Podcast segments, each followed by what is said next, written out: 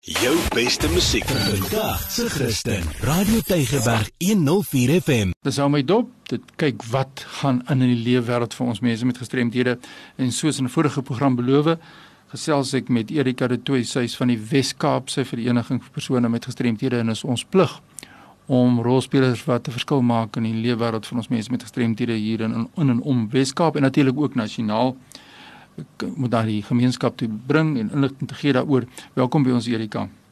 Hallo Fani, dankie. Erika, vertel ons meer wie is APD Weskaap? So, Fani Weskaap APD is 'n geregistreerde nuwensgewende organisasie wat ontwikkelende maatskaplike dienste aan persone met gestremthede, dit is nou beide kinders en volwassenes binne die Weskaap provinsie deur ons 25 takke aanbied en dit sluit onder meer berading en ondersteuning in. Daar is aktiwiteits- en sosiale groepe, vaardigheidsontwikkeling wat nou of lewensvaardighede is of werksvaardighede. Daar is portiergroep ondersteuning. Ons het 'n paar programme 'n rukkie terug daaroor gedoen. En dan is daar ook dagsorg ehm um, fasiliteite vir kinders um, en onlangs begin ons meer dagsorgsentrums stig vir volwassenes wat nie op 'n vlak is waar hulle kan onafhanklik funksioneer en glad nie by die werkgebied kan inpas nie. Ehm um, en dan ons as 'n provinsiale kantoor bied dan ondersteuningsdienste, supervisiedienste aan ons takke seker maak dat hulle opgelei is. Ons doen baie opleiding ehm um, en regtig organisatoriese ontwikkeling gebeur dat hulle uh, goeie bestuur beoefen en en dis meer. Dis 'n wonderlike voorreg hier by ons om hierdie nuus aan die gemeenskap bekend te stel dat ons weet waar kan ons aanklop. Erika, ons praat oor gestremdheid aan die ander kant. Ons kyk na die breë burgerlike samelewing aan die ander kant. Is julle enigstens betrokke met dienste in die burgerlike samelewing?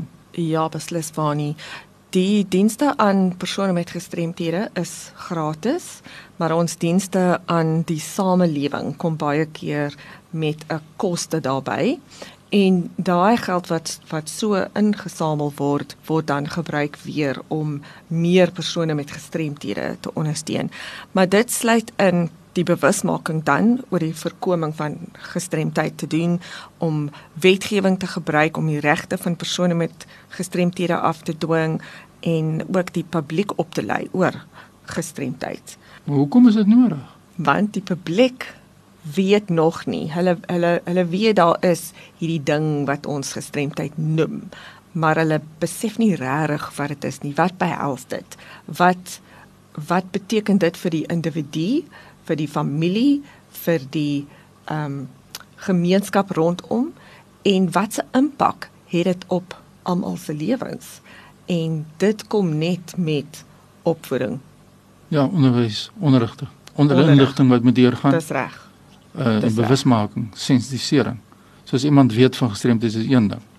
Maar as jy sensitief is daarvoor, Wat is die mees onsensitiewe dinge wat jy hoor daagliks oor gestremdheid, persepsies wat jy so een of twee vir ons kan sê wat mense geneig is om te doen oor blindes byvoorbeeld. Sê nou maar so, of oor oor blindes sal ek maar sê dat ehm um, as jy by 'n werkgewer instap en sê ehm um, wil jy enigsins iemand in iemand met blindheid in diens neem, dan sê hulle nee, ons het klaar iemand op die skakelbord. Ja. So Maar dit is nie te sê dat blinde persone net op skakelborde kan werk. Want dis waar redelike akkommodasie te sprake kom. Dis reg. Om te kyk na die persoon kan hy die minimum vereistes van 'n werk doen. Ja. Miskien met redelike akkommodasie, dan kyk ons nie na die gestremdheid as sulks nie, dan kyk hmm. ons watter ondersteuning daardie persoon kan kry. Beslis. So al al daai word ingesluit by by die bewusmaking, by die opleiding, by die sensitiwiteitsopleiding en mense se gesindheid is is baie kere die grootste struikelblok vir iemand met 'n gestremdheid. Okay. So julle is ook in die Weskaap aktief. Julle het 'n aantal takke in die Weskaap. Vinnig net hoeveel omtrent? 25 takke. Um, omtrent helfte van hulle het maatskaplike werkers wat ontwikkelingsdienste ehm um, aanbied en dan ja, vele ander ehm um, reg oor die Weskaap van Vredendal tot by Beaufort West tot by Plettenberg Bay en dan amper alles. Ehm um, intussen. Natuurlik in die Kaapstad en en die ehm um, omliggende areas is daar meer takke, daar is meer persone. Ja. Ehm um, maar ja, am, amper alle streke. Daar is ongelukkig 'n paar klein streekies wat nog nie gedek is nie, maar ja. Maar as wel is dit weg. So Erika, die goeie boodskap wat ons vandag het aan die gemeenskap, julle wat nou luister vandag ingeskakel is by hierdie program. Dis vir ons 'n voorreg om Erika de Tooi van die Wes-Kaapse Vereniging vir persone met gestremthede hier te kon hê te luister wat hulle doen in die Wes-Kaap en dat daar strukture bestaan as mense na vore wil kom waar kan hulle nou vir jou bel as iemand in 'n rolstoel is of iemand nuwe rolstoel benodig of iemand geen rolstoel het nie en dit benodig of ander hulpmiddels waar kry hulle vir jou in die hande uh, die vereniging se landlynnommer is 021 355 2881 of die direkte e-posadres aan die kantoor is in Engels director@wcapd.org.za. Ja, dis die kontakbesonderhede van Erika.